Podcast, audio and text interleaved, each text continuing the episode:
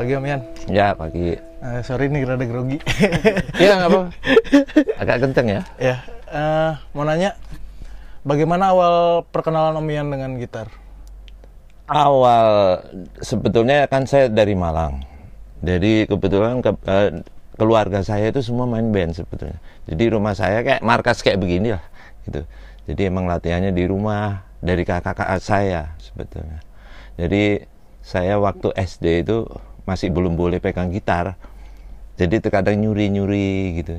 Kalau mereka nggak latihan, biasanya dulu kan gitar itu taruhnya di atas lemari gitu. Saya nyuri bawain. Nah itulah awal mula saya berkenalan dengan gitar. Cuman akustik waktu itu ya. Jadi akustik. Jadi di Malang, kira-kira saya masih SD lah, kelas 5 gitu lah. Terus mulai masuk band-bandan pertama kali di Bentul atau Enggak, band keluarga dulu. Itu namanya band Zodiac ya kebanyakan. Eh, namanya itu Zodiac. Terus saya pernah ikut juga band Surabaya, Saptanada. Jadi sebelum sebelum saya ke Jakarta dan ikut beberapa band yang ada di Malang terkadang saya dimintain tolong main gitar cuman sebetulnya saya dulu kebanyakan main drum malah jadi awal mulanya saya belajar baca itu juga drum sebetulnya. Ada gurunya gitu. Waktu saya masih SMP ya. Dan gitar terkadang zaman dulu band itu kan ini formasinya berubah-berubah. Kadang ada yang nyanyi kadang saya pegang bass. Jadi masih belum karena belum recording jadi saya enaknya aja saya pengen gua main drum dong gua pengen lagu ini. Main gitu. Jadi nggak ada nggak ada lu harus ini. Nggak seperti sekarang itu kan grup itu paten gitu gitarisnya ini bassisnya ini dulu nggak jadi ganti-ganti di Bentul juga saya masih main drum kebanyakan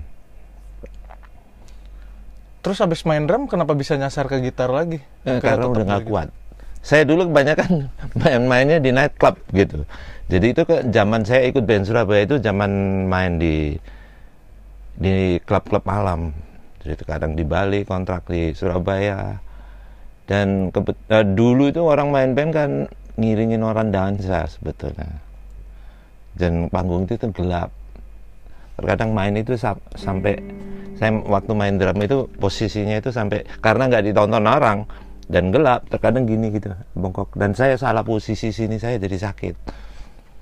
Apa? Punggung itu sakit. Sejak itu saya bilang wah jadi setiap main drum kok sakit akhirnya saya pilih udah main gitar aja gitu itu tahun-tahun tujuh sebelum 70 lah sebelum 70 antara 68 69 itu Terus era itu gimana ter- terbentuknya suatu band tuh gimana caranya? Apa kenalan dulu atau nongkrong di studio atau gimana? kebanyakan dari teman sekolah. Kalau dulu saya masih SMP itu kebanyakan dari teman sekolah. Jadi dan namanya juga seenaknya aja gitu ganti-ganti karena besok mau ganti ya ganti gitu. Jadi nggak ada posisi saya lu gitarisnya ini yang enggak kadang sana main ya bantuin gitu. Dan kebanyakan dari sekolah dulu. Terus akhirnya bisa nyasar ke God Bless gimana ceritanya Om Yan? saya dapat kebetulan waktu saya di Malang Yoki itu pernah di Malang Yoki pemain keyboard dia ikut band rokok juga. Waktu itu saya band rokok juga jadi bentul dan saya suka kalau hari-hari itu main sama dia gitu. Dan suatu kali ditawarin saya Yan mau nggak ke Jakarta ikut ikut siapa? Godless. Eh saya nggak percaya juga. Cuma akhirnya toh berangkat gitu. Jadi saya ditawarin sama Yoki sama Teddy waktu itu. Teddy udah ikut band bentul udah jadi drummer dulu akhirnya saya sama Teddy nyasar masuk God Bless. Itu tahun udah 75 itu. Jadi setelah saya dibentul. Dan saya dengar dari anak God Bless dia lihat saya manggung itu waktu di Jakarta Fair. Dulu kan Bentul itu punya apa setiap tahun itu ada acara di Jakarta Fair yang bulanan itu. Dan itu setiap hari main di situ dan God bless kebetulan waktu itu main di depannya ada klub malam juga dan dia pernah jalan ke stand Bentul itu lihat saya main Kalau saya dengar cerita dari Ahmad Albar begitu. Eh, eh, masuk God Bless tadi tahun berapa? Om? 75. 75. Mm-mm, 75. Itu katanya kan tadi Om cerita masih cover-cover ya? Apa itu? Eh, main eh, apa God Bless masih cover lagu orang, mainin lagu Iya, orang. lagu orang. Kenapa akhirnya bikin album sendiri? Ya karena percuma kalau cover lagu orang siapa pun bisa bawain dan pemiliknya nggak jelas kan? Dan nggak punya warna sendiri. Akhirnya makanya kita dapat tawaran untuk bikin sebetulnya itu lagu untuk film ya. Album pertama itu. Yang yang Huma di atas bukit itu. Dulu itu lagu untuk film sebetulnya. Dan itulah makanya kita beraniin walaupun masih ya terkadang nyasar-nyasar ke lagu orang lah ya karena kita belum punya patokan God Bless itu warnanya apa gitu. Dan masih mendengar banyak lagu orang. Makanya ada kemiripan-kemiripan banyak gitu. Oh ini kayak lagu ini ini diambil dari ini gitu. Cuman setelah album pertama kita berusaha untuk sendiri. Coba deh kita buat sendiri ya. Itulah helah cermin itu. Terus gimana sih Om rekaman pertama kali itu suasananya tahun segitu? rekaman pertama itu kan di Indonesia belum ada studio yang memadain kan? Kita pertama kali rekaman itu seingat saya kita itu salah rekaman pakai mixer radio. Itu di Tri Angkasa dulu. Dan engineer-nya itu Alex Kumara. Nah itu engineer pertama. Ya masih analog bener. Masih pakai tape pita besar gitu. itu di bilangan nggak nggak salah di bilangan kebayoran itu Tadi kan Om Ian cerita kalau album Cermin ini benar-benar karakternya God Bless ya. Mm-mm. Itu proses kreatifnya gimana? Om Ian? Wah, itu album Cermin satu-satunya apa album kita yang dibuat secara live sebetulnya.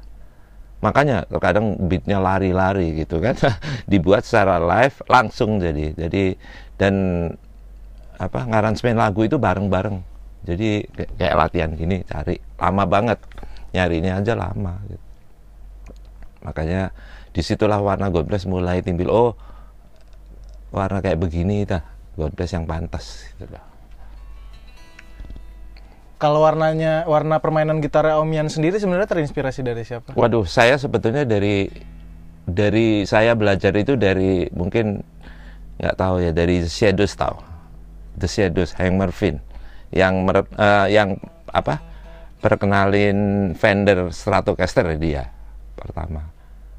Itu saya belajarnya justru dari semua lagu dia saya bi- bisa main dulu. Yang clean pakai tuh, gitu. Kalau untuk yang itu kan kuliner yang, yang rocknya Ya, wah kalau rock belajar dari setiap grup yang hits zaman dulu ya.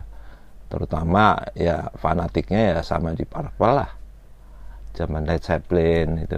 Cuman saya lebih suka Purple di Purple. Nah itu ngulik. Di setiap lagu kita ulik dulu. Kalau God Bless pertama kali membawakan itu campuran. Ada lagu Easy Beats, ada lagunya Beatles yang di aransemen lain gitu. Hmm, terus God Bless kan bisa dibilang band yang eh, sering gonta-ganti personil. Iya. Amin. ha, ha.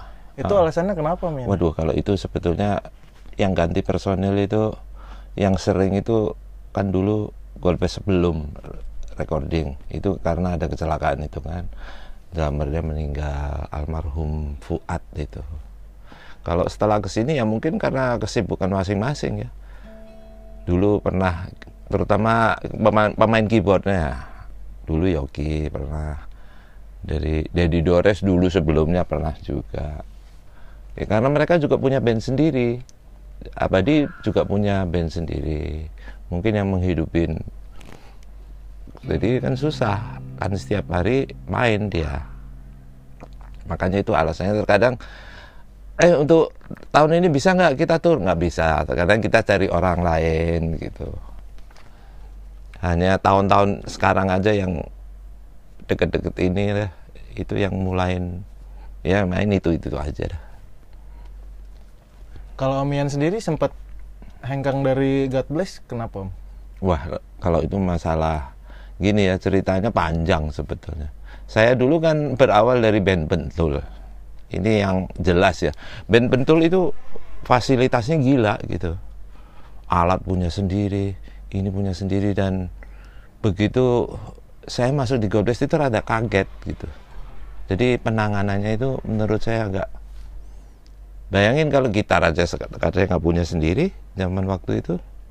Dan penangannya waktu show kita ke daerah itu yang menurut saya nggak prof gitu loh kurang prof. Jadi sekarang kita ditidurin di hotel yang ya nggak nggak inilah nggak cocok lah buat saya penanganannya gitu loh.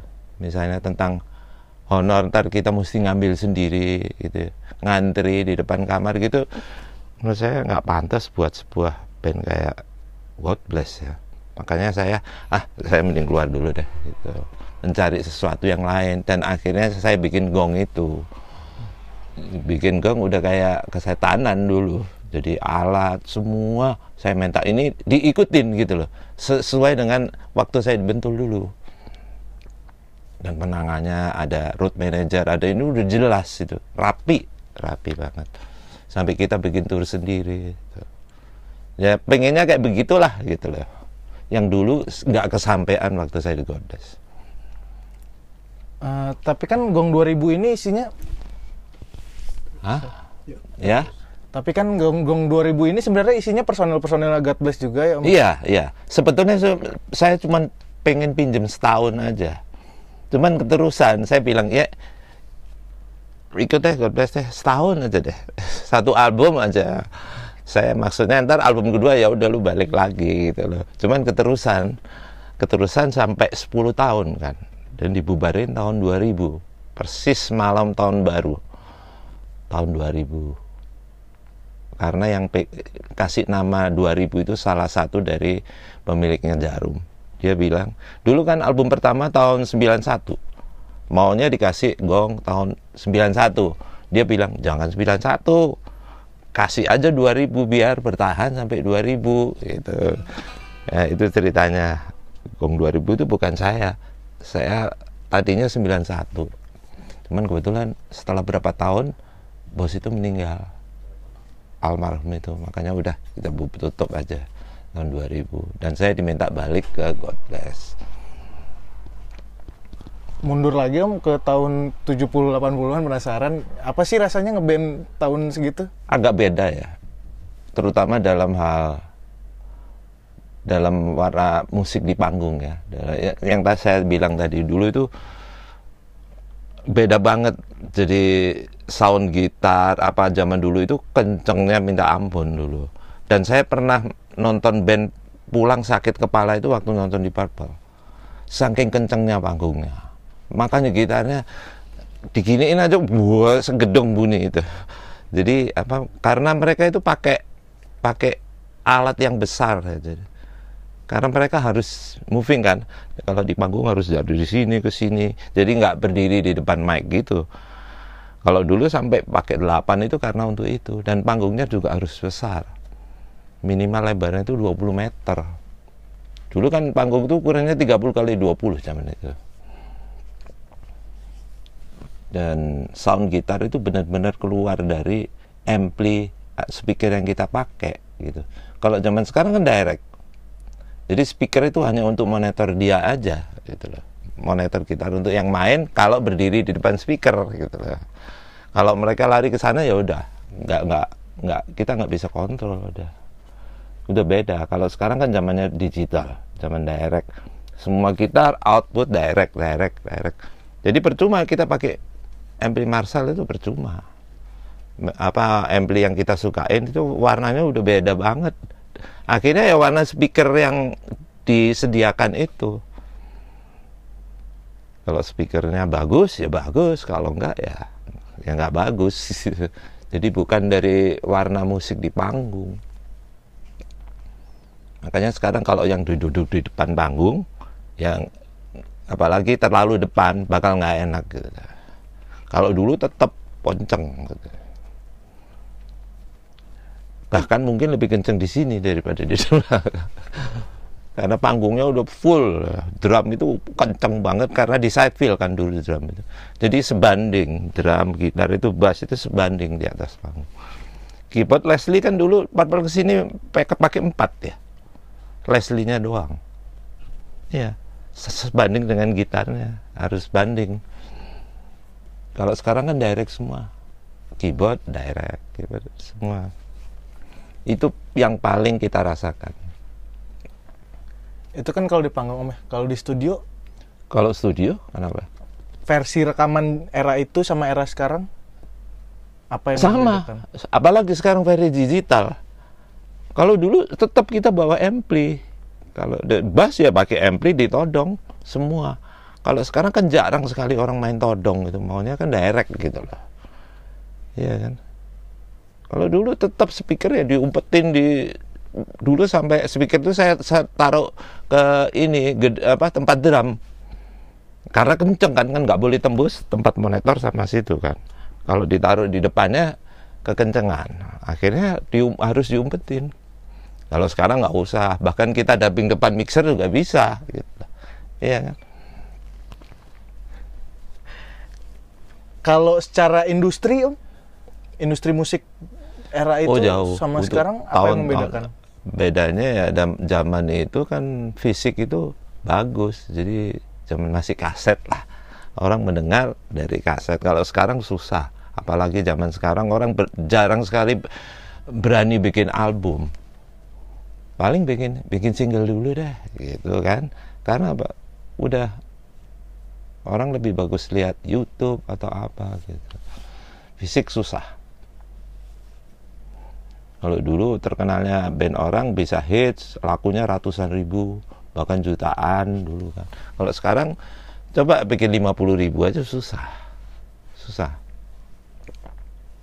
Makanya harus berjuang lewat ya kayak eh, sekarang ini main di YouTube yang seperti kita bikin kemarin ini. Udah beda banget. Tapi seruan mana Om? Kenapa? Seruan Kalau saya sih seruan zaman dulu. Karena apa? Kalau orang lewat denger di YouTube nggak mungkin bikin sa- eh, denger satu album. Paling orang bikin satu lagu denger nggak lengkap udah matiin aja ya kan. Kalau dulu kan orang sampai didengar di radio, di mobil ya kan, dinikmatin gitu. Orang susah. Dan keuntungan emang zaman sekarang orang yang udah punya hits zaman dulu. Ya kan? Yang duluan punya hits itu yang lebih lebih apa? Ya lebih masih bisa jalan daripada orang dulu nggak punya hits gitu lah.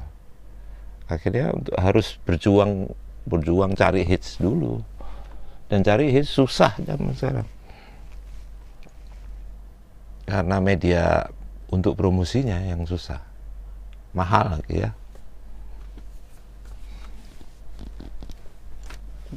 balik Apa? lagi ke God Bless Om. Heeh. Eh, ada cerita rakyat cerita rakyat. Mm-mm. Nah, God Bless katanya kalau nyari personil ada yang yang dicari salah satu syaratnya tinggi badannya Om. Itu bener gak sih? Waduh, nggak tahu. Itu mungkin tanya aja ke Mas Ye sebetulnya. ya. Karena sebetulnya God Bless itu yang nama itu kan ada dua orang yang masih lama, Mas Doni sama Mas Ye. Saya dengar-dengar emang cerita-cerita dulu, eh tadi ini, ya ganti deh ini deh. Itu kebetulan nggak bisa. Oh ini. Setelah saya tahu, oh yang dicari itu yang begini. Kadang harus tinggi dulu, harus gondrong kan gitu zaman dulu, ya kan? Ya mungkin ya. Cuman saya enggak loh. itu mungkin masih ya, ya. Dulu mungkin ya, emang dulu pemain Godbes tinggi-tinggi. Cuman dulu. Ya, Mas Yoki tinggi, Mas Ye tinggi, Mas Doni tinggi, semua tinggi. Ya mungkin karena panggung itu besar kali. Jadi kalau misalnya kecil gitu kan nggak bisa dilihat dari jauh. ya kali ya. Gimana sih Om kehidupan rockstar era 70-80? Maksudnya kehidupan apa? Kehidupan Pribadi. rockstar sama aja. Ya kehidupannya sama aja. Mungkin kalau kehidupan zaman dulu, zaman lahirnya Gobles masih muda ya. Kalau ke mana-mana sepatunya pakai boots kan gitu. Zaman zaman itu dulu kan dengan dengan apalagi masih ada kan keribu dulu. Ada gayanya hari-hari pun sama kayak di panggung gitu. Ya beda-beda dikit lah gitu. Cuman setelah ke sini ya kita biasa-biasa aja. Biasa aja lah. Kadang malah seenaknya aja kalau dalam keluarga ya masing-masing. Itu nggak bisa diukur kamu orang rock atau apa nggak bisa. Kalau orang harus bininya harus tiga gitu kan. Nggak nggak juga. Jadi masing-masing. Orang biasa pun bisa juga kawin tiga empat kali kan gitu. Karena banyak penggemar kan dulu zaman apalagi masih kan zaman pacarnya banyak kan gitu. Cuma saya lihat kehidupannya biasa aja kok. Sama kayak orang-orang biasa apa sih arti God bless buat Om Ian? Waduh, God Bless itu menurut saya udah sekarang itu udah bukan cuman band. Jadi udah keluarga besar sebetulnya. Jadi hubungan antara istri, suami, istri mereka itu sama kayak keluarga. Jadi jadi ke mana pun tur juga ikut. Dia memanage suaminya sendiri-sendiri. Jadi udah bukan band lagi, udah lebih dari itu. Makanya kita sekarang kalau ganti personil udah susah. Kayaknya gimana gitu lebih bagus kita nggak terima gitu jobnya. Kalau ada satu Mas Doni Mas Ye atau saya nggak bisa itu lebih bagus nggak? Lebih bagus cari tanggal lain misalnya yang semua bisa gitu.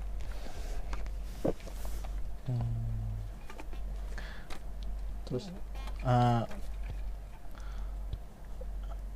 uh, gimana sih Om seorang seorang almarhum Mas Yoki Suryo Prayogo Pak Omian. Kenapa?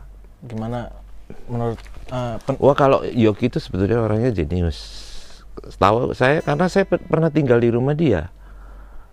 Waktu di Jakarta saya pindah-pindah tempatnya. Saya pindah di Tampung oleh Ye, Mas Ye pernah, Mas Doni pernah. Yang lama itu justru di rumahnya Mas Yoki. Yoki yang di Tebet situ. Di Tebet situ malah itu dia gila dulu. Tiap hari itu bermain piano dulu. Organ ya zaman itu. Organ ada piano di rumah dia. Jadi saya bangun tidur dengan dia main. Jadi dia emang jenius.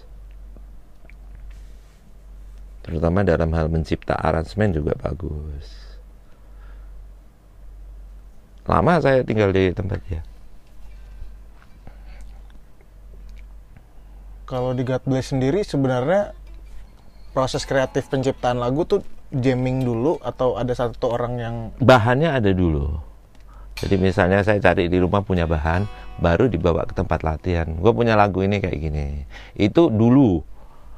Kalau zaman sekarang eh, album-album terakhir udah nggak begitu. Makanya ini yang sedikit beda dengan zaman dulu. Zaman dulu ngejam dulu. Jadi karakter masing-masing pemain keluar Cuman setelah ke sini udah terkadang lagu dasar itu udah ada di pita gitu. Misalnya saya datang ke studio dulu, rekam dong lagu saya. Udah pakai metronom, deng, deng, deng, deng.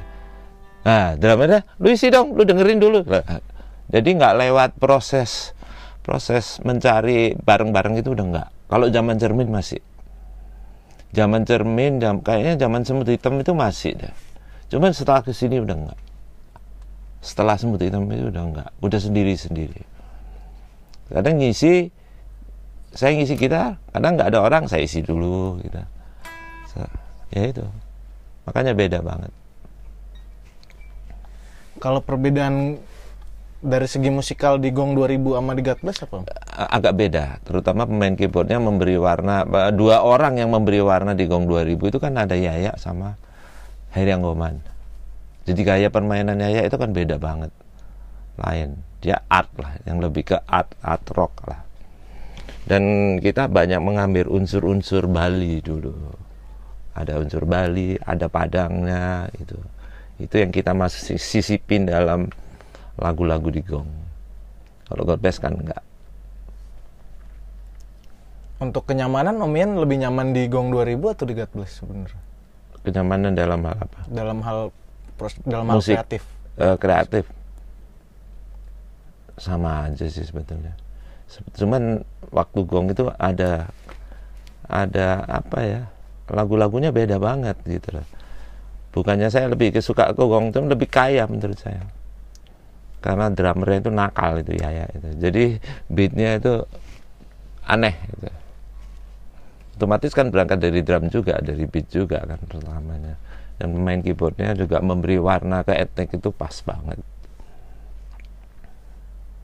Dan masih kreatif dulu cari bandnya cari lagunya kan juga seperti tadi.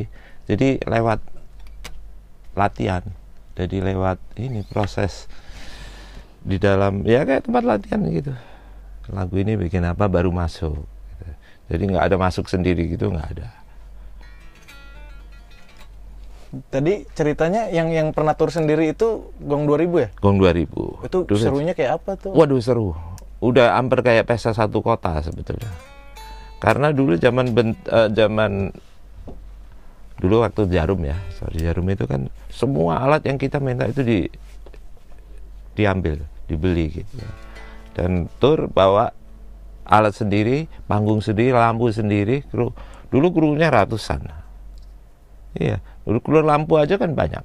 Dulu hampir 20, belum kru sound, kan banyak. Jadi udah di atas ya hampir 200 dulu yang berangkat. Ya setiap kali main. Ya kan sound sendiri, genset sendiri. Genset ada udah berapa? Dulu bawa 4 genset ya kan. 4 genset satunya satunya misalnya 50 ribu aja udah 200 ribu. Kalau enggak nggak cukup buat lighting kan. Dulu seru. Ya sekali itu aja. Kalau sekarang mungkin susah terulang.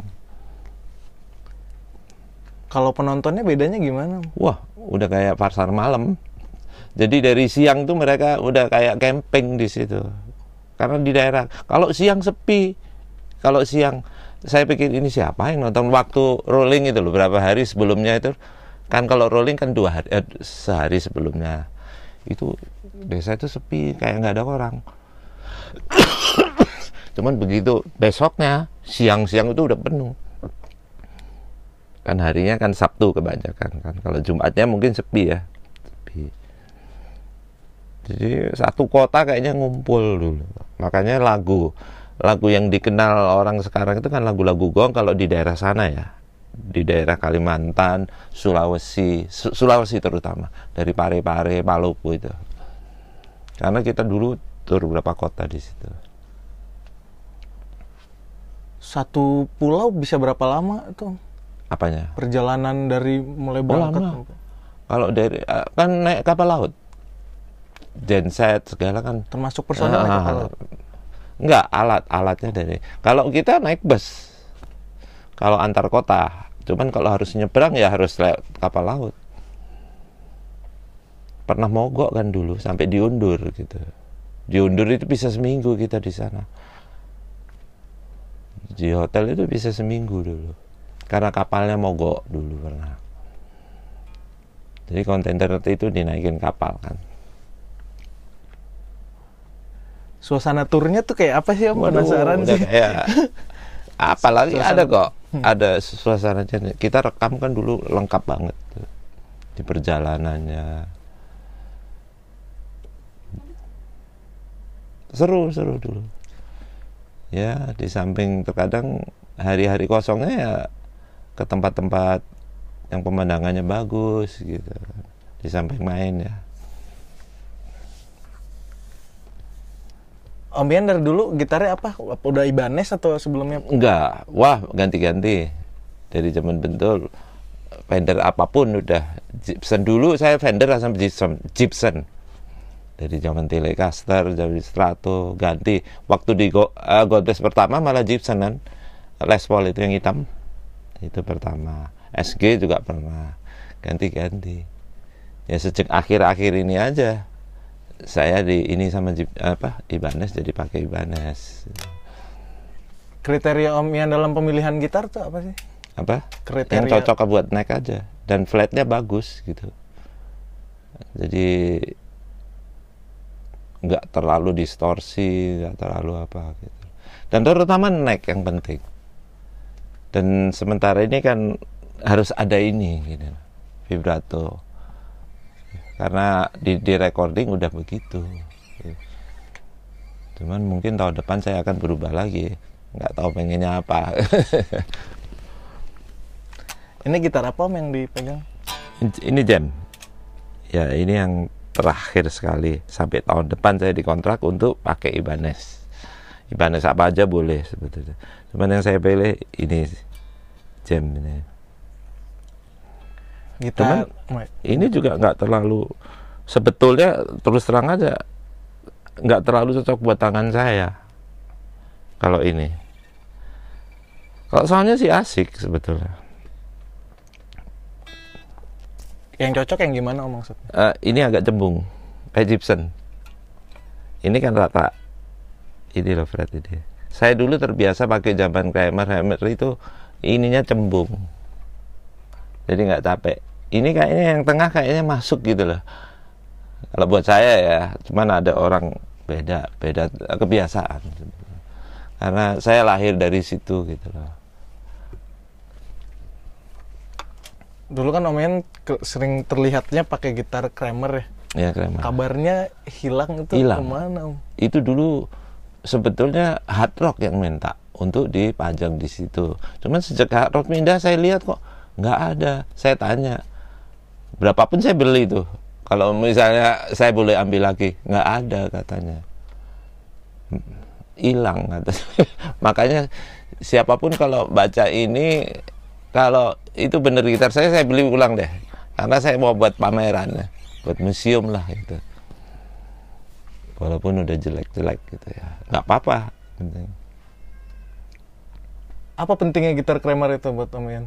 apa? Penting. sebetulnya istimewa terlalu istimewa yang enggak cuman eh, dia punya karakter itu single coilnya bagus. Jadi sekarang kalau bukan jelekin ya jadi rata gitu di belakang sama di tengah kalau saya switch ke depan itu nggak terlalu low gimana? Flat gitu loh. Eh, bukan flat. Apa sih? Volumenya sama gainnya sama. Su- susah cari itu. Terkadang di belakang bagus bassnya kurang. Di tengah labelnya bagus jadi ke rata yang di tengah yang di sini ngebas banget suaranya gitu. Halus teman jadi saya setelannya jadi susah. Kalau Kramer itu rata dan nomor satu udah kebiasaan necknya gitu lah. Udah terbiasa. Nggak terlalu lebar kan kalau Kramer. Dan agak cembung sedikit. Wah sayang banget hilang tuh. sayang. Ya sebetulnya istimewa juga enggak cuma sejarahnya aja. Kalau routing era God Bless album Cermin, routing manggungnya gimana Om Ian? apanya? Routing gitar. Dari gitar pakai efek dulu apa atau langsung ampli? Saya akhir-akhir ini saya kalau ke daerah udah nggak bawa banyak-banyak. Jadi karena alat saya setiap dibawa itu pulang pasti rusak. Ada yang jebol ada yang ini apalagi MD yang berat-berat itu. Waduh saya enggak saya cuman sekarang saya pakai preamp aja. Itu preamp yang ada distorsinya. Jadi yang ada tiga macam suara gitu loh. Itu udah itu aja. Jadi setiap clean atau distorsi saya cuma ambil dari sini. Cuman ini rada susah. Jadi misalnya lagu gini ya. Ya. Eh bentar. Bentar ya.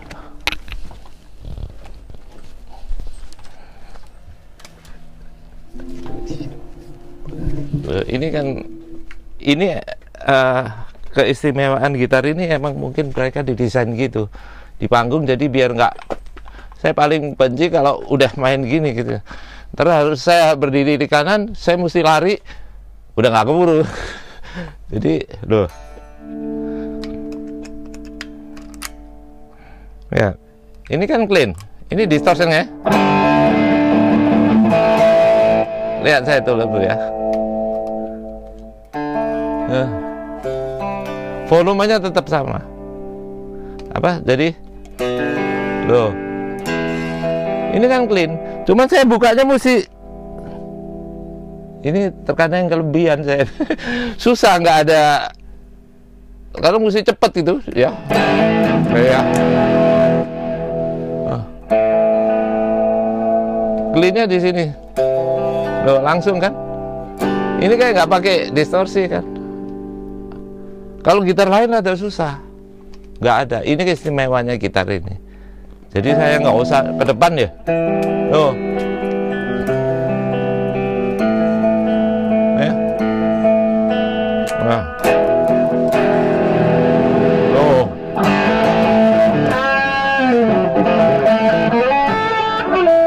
Ya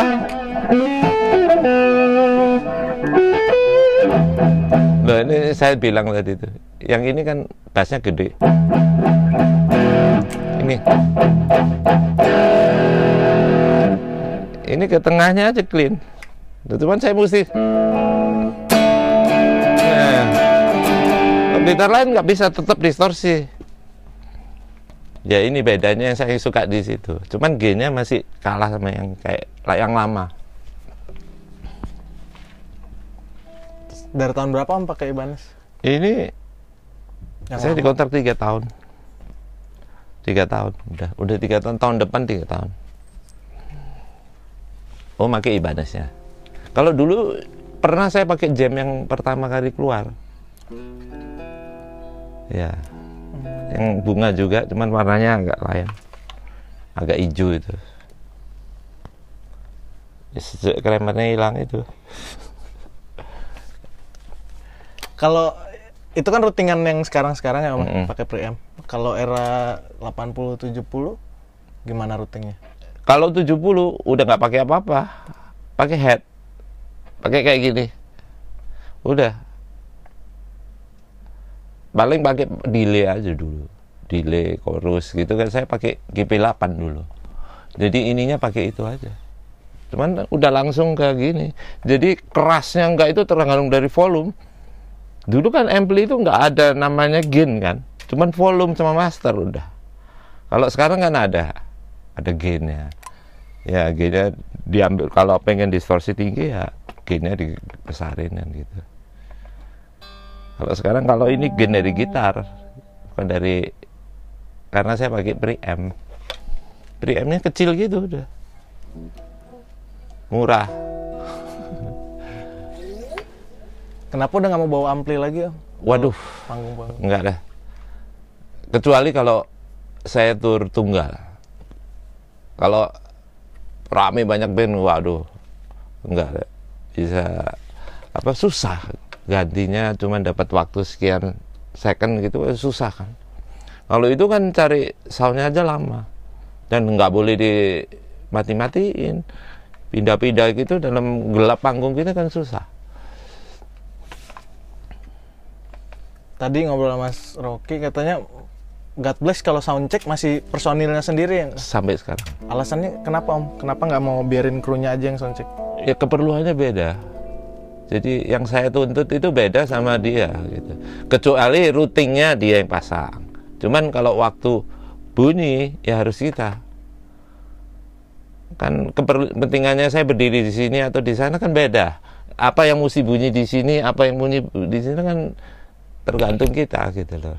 Mereka hanya routing bunyi masuk mic channel list ya. Kasarnya cuma channel aja ya. Cuman kalau balancing dia biar biar gimana harus harus pemainnya menurut saya ya. Karena band bule-bule yang gila itu masih dia sendiri. Iya kan? Di Dream Theater kan dia. Pemainnya sampai cek sound seluruh lagu. Kan gila kan itu. Beda banget. Soalnya kan sekarang banyak om band-band yang biarin aja Wah, lima menit ya nggak tahu lah mungkin mereka puas dengan begitu cuman kan kita kan cerewet orang. Masing-masing cerewet lu gila lu di, di- gua nggak denger apa apa ya akhirnya lebih bagus sendiri daripada teriak-teriak suruh orang ya kan. Soalnya kita nggak bisa jelasin lagu pertama saya akan berdiri di sini itu yang bunyi ini nggak bisa jelasin begitu kalau mereka kan cuma taunya ya cek cek bunyi udah cek. Vokal kan gitu. Eh, kemarin kan sempat ini apa recycle album Cermin 7 ya Om? ya Eh, Cermin ya? Kenapa album Cermin yang di recycle karena kita menurut orang emang album Cermin itu album yang paling kalau di Godbless itu paling ya itu tadi saya bilang paling mewarnain God Bless dan dicarinya nggak main-main gitu loh. Dari aransemen ke aransemen satu lagu itu. Dan menurut saya emang paling banyak dari orang-orang juga itu album paling bagus. Makanya kenapa kita ulang. Di samping itu gini ya ini yang penting ya. Jadi pemilik master cermin itu cermin itu udah nggak ada. Larinya ke mana master itu? Gitu. Karena menurut undang-undang sekarang album itu setelah dimiliki mereka 25 tahun itu haknya udah ha, kalau mau ngedarin harus ke kita dulu gitu loh. Ini setelah ada YouTube segala kan. Dan mereka pemiliknya yang lama itu udah dijual gitu loh. Dijual ke tangan orang gitu loh. Jadi nggak lewat kita kontrak lagi itu nggak. Makanya saya bilang, udah jangankan cermin seluruh lagu kita mau bikin kayak begitu. Karena apa? Kalau kita nggak daftarin ke YouTube dengan barang yang ada, yang baru, mereka tetap aja master itu nggak bisa kita tarik pulang karena itu modal dia. Makanya kenapa kita bikin termin baru bisa lepasin tuh yang lama kita udah punya sendiri gitu. YouTube-nya ngekat itu lagu. Karena mereka udah waktunya udah habis. Kan cermin lahir tahun berapa? Jadi udah 25 tahun ke atas. Semut hitam juga udah. Habis itu kita mau buat seluruh album.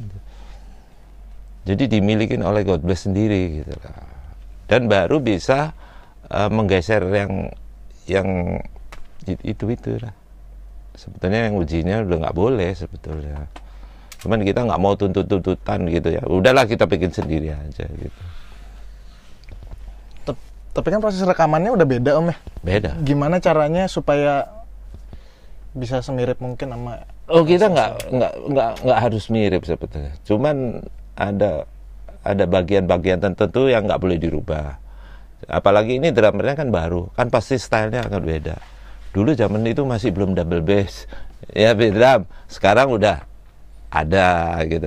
Jadi menurut saya lebih sempurna daripada dulu gitu loh. Beda. Dulu kan masih pakai tom-tom aja juga mungkin masih satu kali.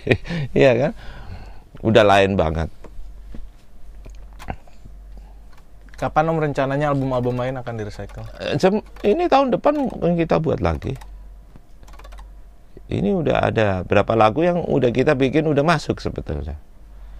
Dan seluruh lagu kayaknya mau dibikin gitu lah. Dibikin kayak kayak cermin gitu lah. Dan kalau kemarin kan baru rekaman yang akustik. Udah kelar kan di Aquarius belum beredar. Baru nyesuaiin gambar. Cuman versi akustiknya.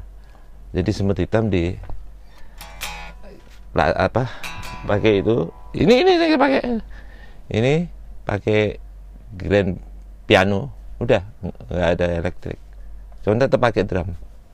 Bassnya juga bass akustik elektrik ada tujuh tujuh lagu ya. Di sini om proses rekamannya? Enggak di Aquarius. Oh, udah ngambil gambarnya udah kelar, tinggal mastering aja. Penyesuaian itu antara sound masuk ke gambar itu, gambar udah. Oh belum lihat ya?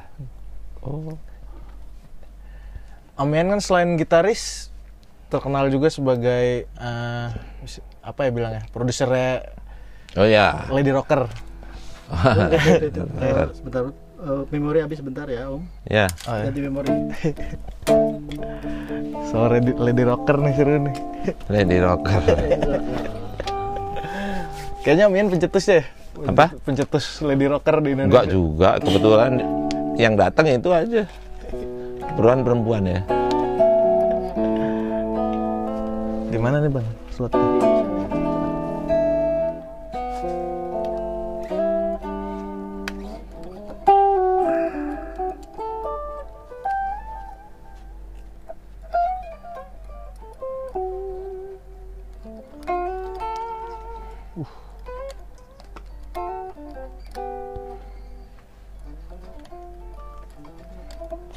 dari pre-M langsung masuk ke power berarti om ya hmm. masuk ke return ya jadi ya, saya ya. saya ambil itu langsung masuk power hmm, oh, udah ringkas banget ringkas jadi kalau jack satu kalau mono kalau returnnya dua bisa dua saja stereo. Hmm. Kalau returnnya eh, pakai ampli dua gini, bisa juga. Dibuat mono atau stereo. Kalau mau gampang-gampang ya mono ada outputnya masuk tantap sih itu.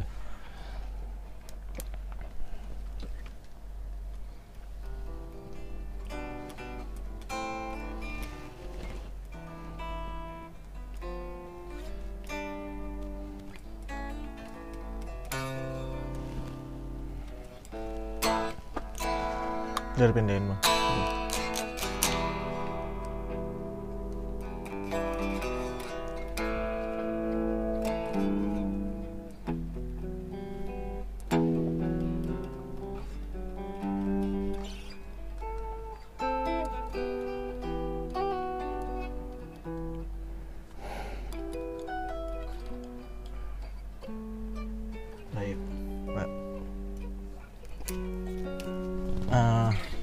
Balik lagi om Ian kan pas selama keluar dari God Bless bikin Mm-mm. project kan Iya. sebagai produser Lady Rocker Ya, apa apa apa serunya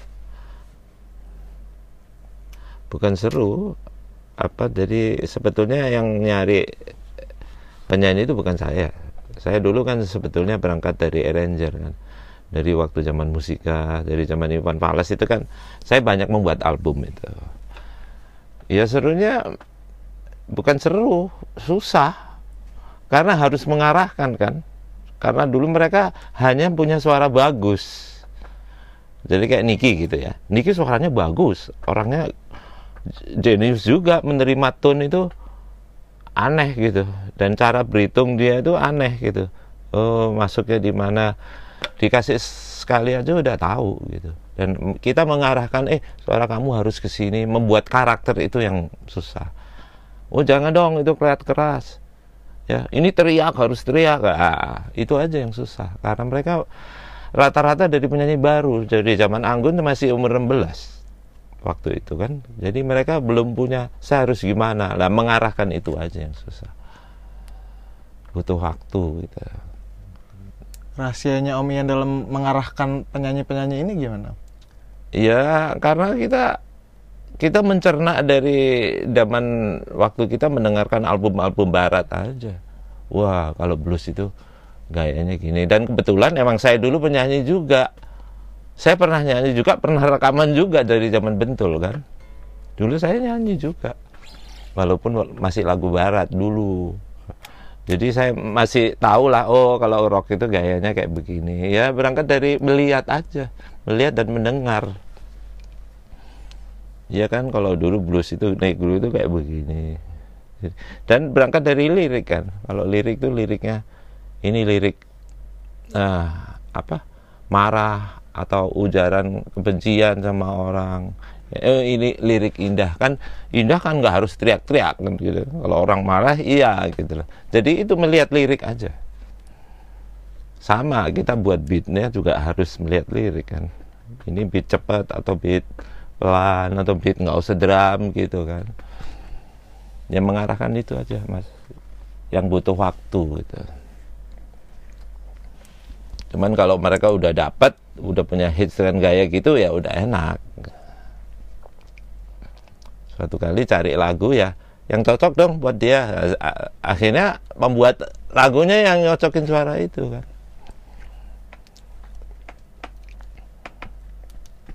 Om Ian kan dari dulu kayaknya suka banget sama musik rock ya kenapa sih sejatuh cinta itu sampai jadi produser jadi arranger pun harus yang rock? Ya saya berangkat kan dari bukan dari rock sebetulnya kan. Saya tertarik karena ya mendengar lagu barat yang saya suka itu gaya-gaya itu. Dengan drum kan kebetulan saya drum terutama dengan drum dulu. Weh gila ini. Ya emang saya akhirnya kenapa saya nancap ke rock ya? Karena kreatif itu rock itu energinya itu energinya itu beda. Kalau lagu pop kan udahlah pakai drum mesin aja cukup ya kan? Jadi lembut jadi main pakai rim shot itu energinya kalau rock kan enggak keluar semua kan dan bisa membuat warna marahnya itu ada. Kalau gitar clean ya gimana kita marah ya. Iya kan? Distorsinya itu saya suka gitu.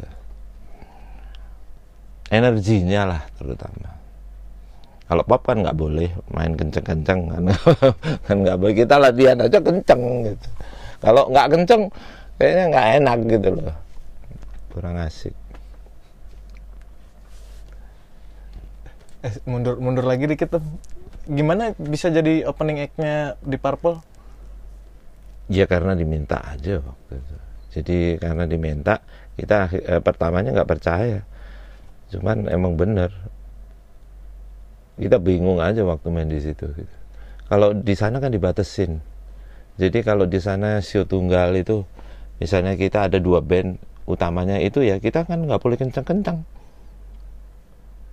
Dibatesin. Jadi operator dia ada di samping dia.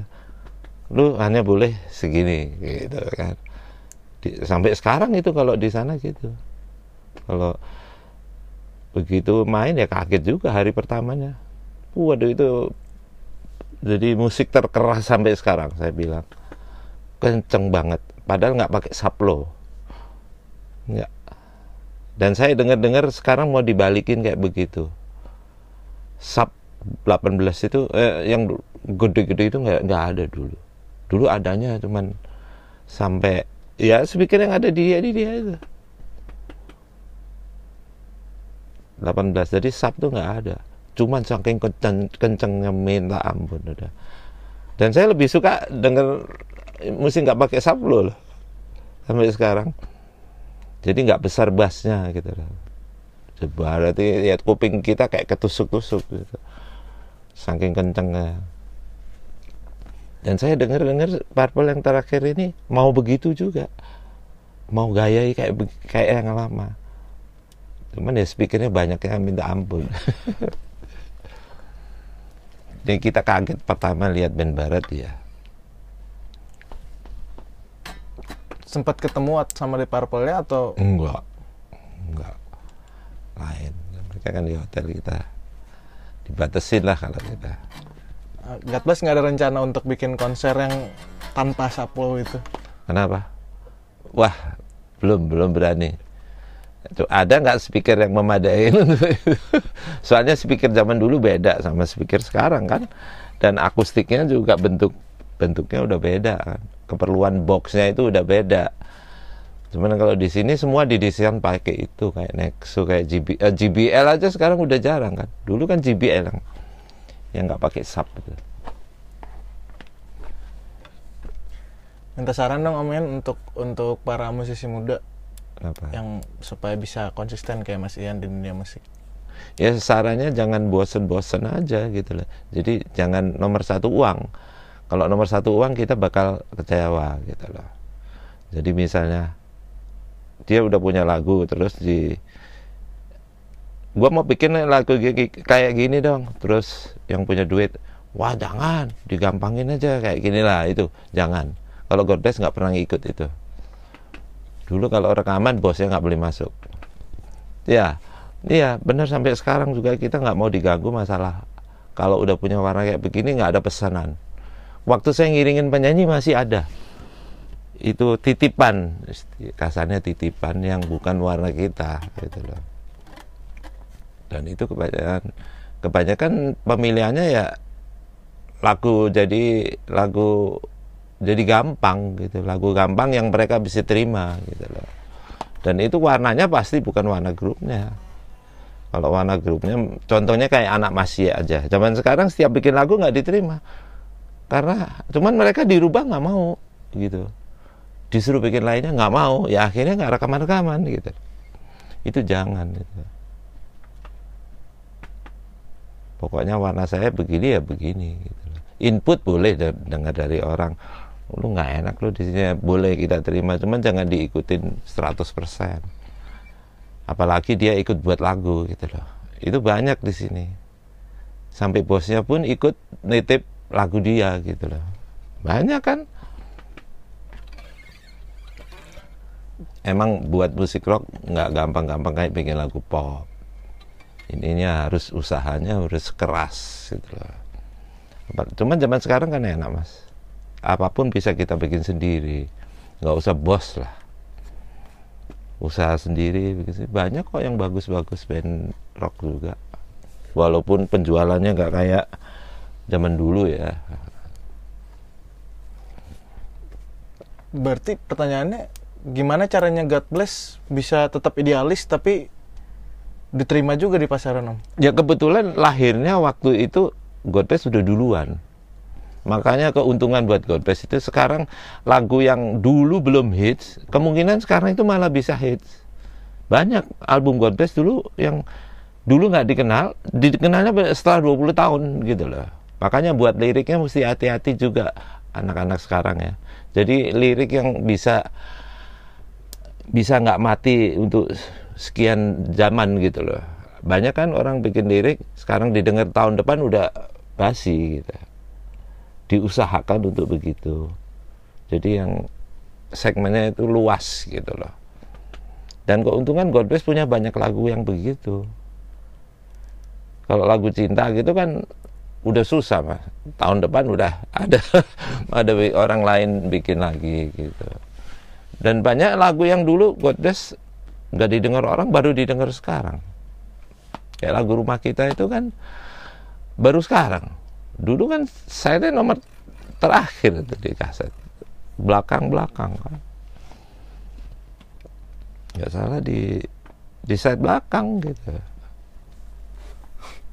Iya, yang dulu mereka belum lahir gitu pendengar-pendengar sekarang. Yang dengar dari cerita cerita bapaknya kan gitu. Baru mau dengar sekarang gitu. Dan kebetulan liriknya masih in untuk digunakan di zaman sekarang. Wah keren juga. Lirik ya mas. Lirik penting, Penting ya. penting lirik. Lirik sangat penting menurut saya. Siapa Jadi- otak yang bikin lirik? Eh, Banyak.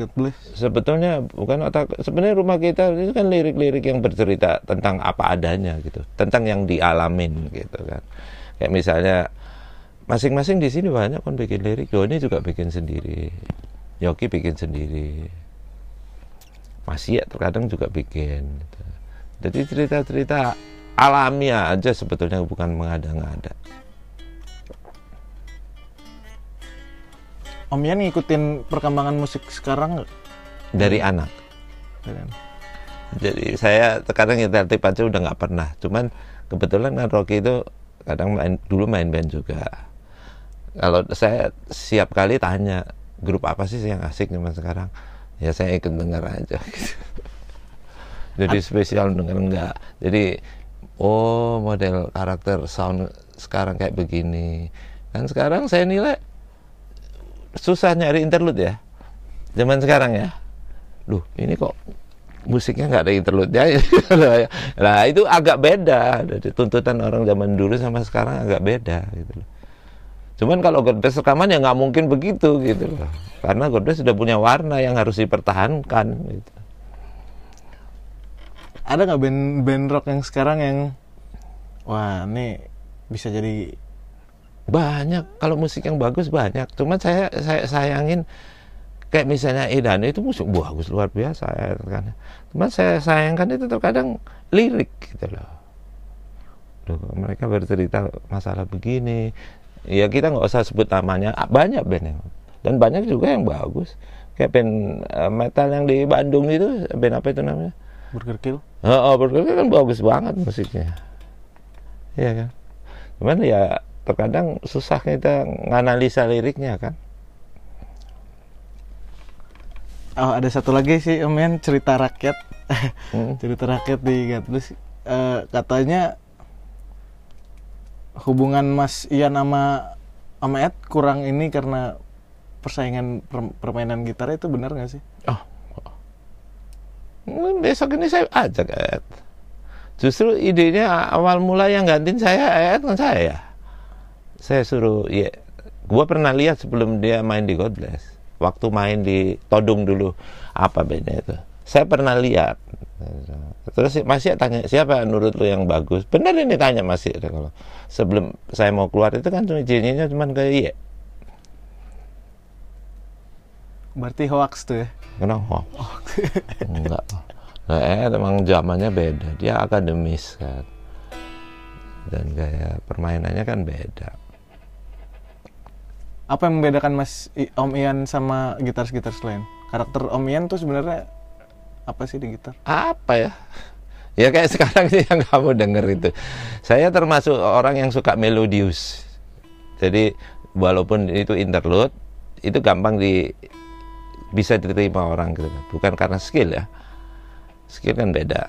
Ada juga yang orang bicara itu gitar juga harus begini. Kalau saya enggak. Maaf, maaf. Nah. Bat- Baterai habis. Nanti, sorry. Kamu dengar dari siapa? ada banyak hoax ada cerita-cerita eh, itu ya biasa gosip-gosip underground enggak itu ya Masih gak bener om ya. ya kalau skill skill kan beda ya Ayat kan gila main.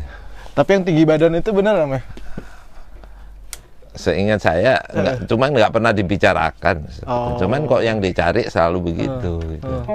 oh. Itu ada cerita dikit tuh tentang pas Doni, Mas Iya tuh karakternya gimana kan udah kenal lama tuh. Waduh. Tadi kan Pak Yogi ya. Mas Yoki Oke. Besok ini saya main bareng dia tanggal 18 -an. Tanggal sama Mas 18. Ed ya? Hah? sama Mas Ed Ada idannya juga. hmm. Oh yang di SCBD om ya? Iya. Hmm. Mana Saya saya suruh dia main. main di God Bless Ah. wih seru. Lagu terakhirnya saya bikin dia. berarti enggak ya itu enggak ya oh. Kalau iya kan mana boleh si- saya pinjam drummernya. iya kan? Buktinya drummernya kadang dia ngalah. Dia pakai drummer lain.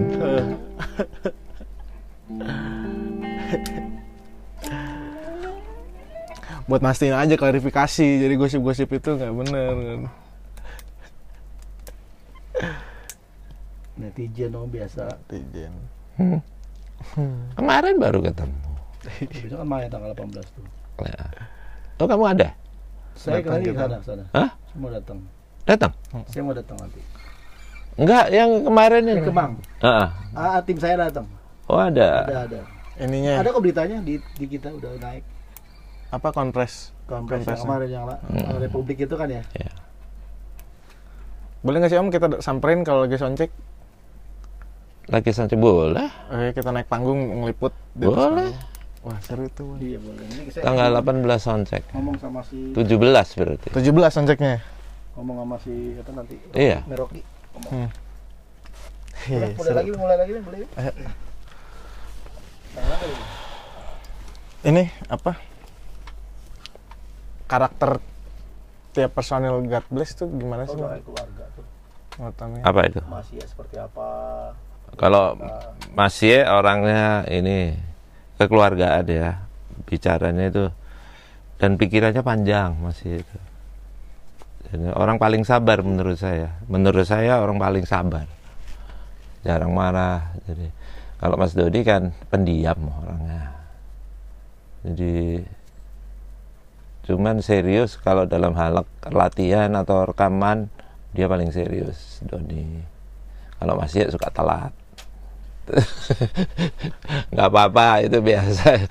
Karena dia butuh saya sadar karena vokalis itu butuh waktu istirahat jauh lebih lama daripada daripada lainnya. Jadi jam tidurnya harus panjang. Karena suara kan apalagi habis hari ini latihan besok main kan tidurnya harus panjang.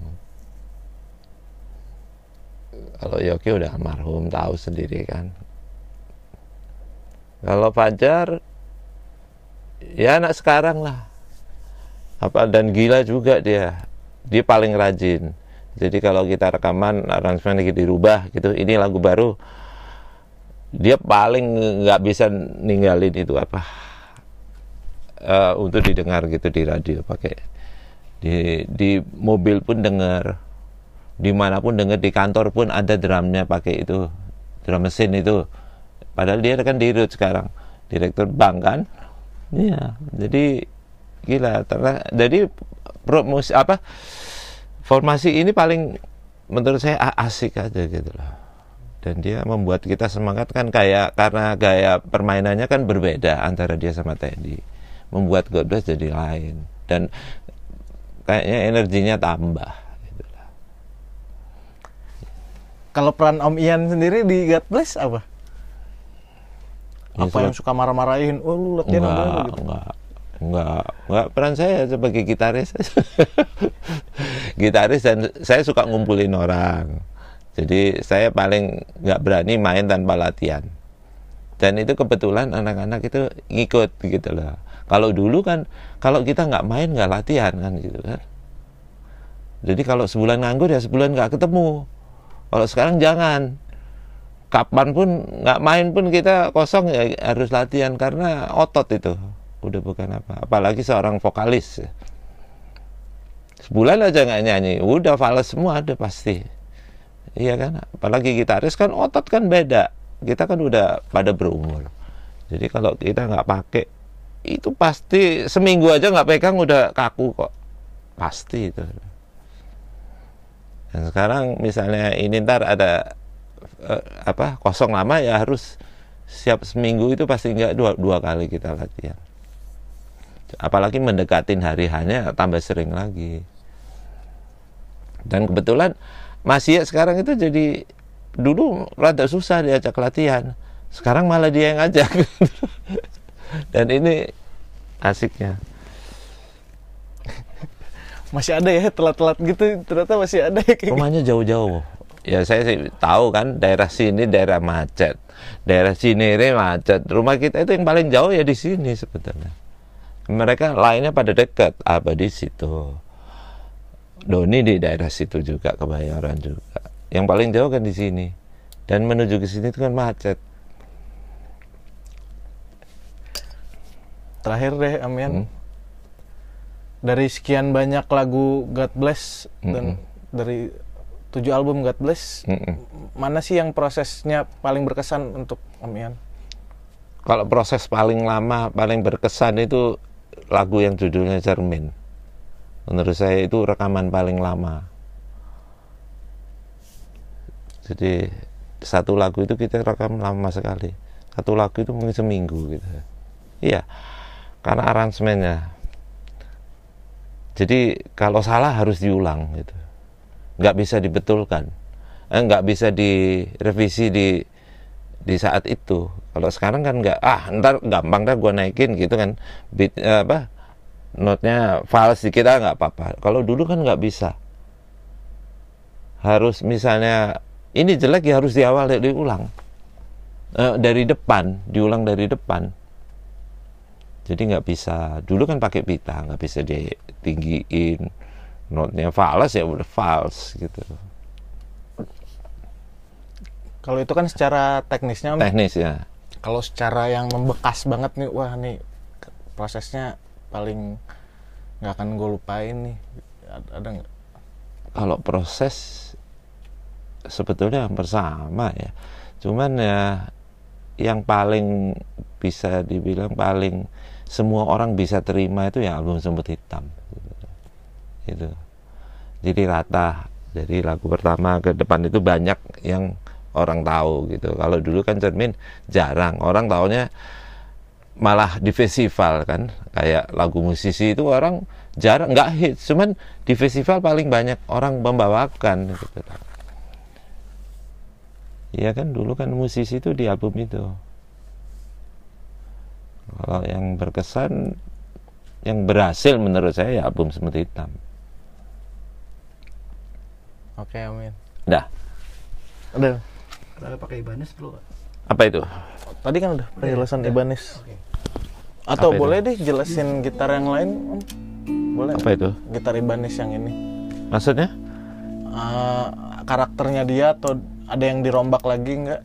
oh enggak Ah, kalau ini kalau ini mendekatin itu mendekatin Kramer yang sana Oh, itu mendekatin mau diganti boleh, Om, boleh. kalau ini kan akustik Iya. Baru ya, Mas? Hah? Yang akustiknya baru ya? Buat rekaman kemarin ya? Iya kayak karena padahal sorry ya bukan apa agak agak rata Oh. Oh. nomor satunya pelan Oh. Oh. banyak akustik begitu Hampir semua akustik. iya enggak kalau enggak bukan yang bagus, Oh, bukan yang bagus. pick up-nya enggak Iya. Fishman apa pick up-nya Fishman ya. itu enggak loh ini hampir sama juga ini cuman karakternya mirip.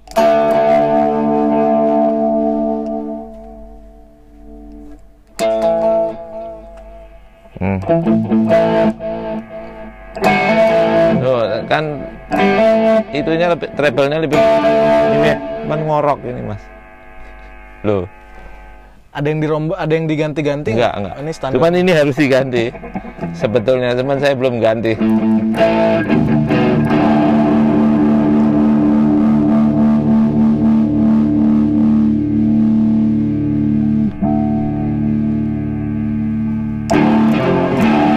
Enggak.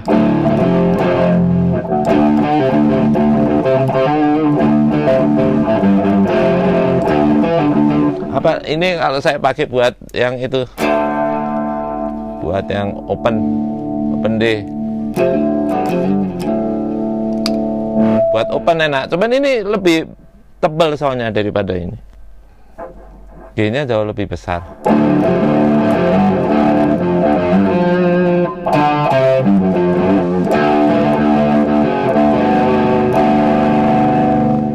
Cuman nggak bisa di nggak bisa seklin ini kalau dikecilin. Nah itu bedanya. Ini yang mendekati Kramer, Om. Kenapa? Ini mendekati Kramer. Ininya sepul yang ini. Cuman sekarang ngorok. Lo lihat.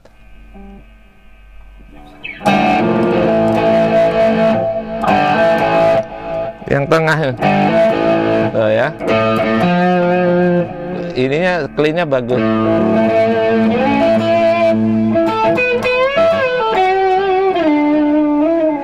Oh,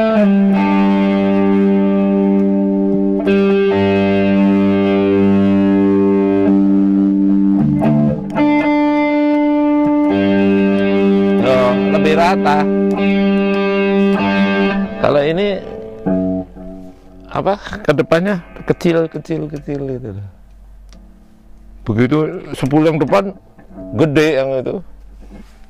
Sound saya, saya lebih suka ini mas. Cuman disuruh makainya itu. disuruh pakai.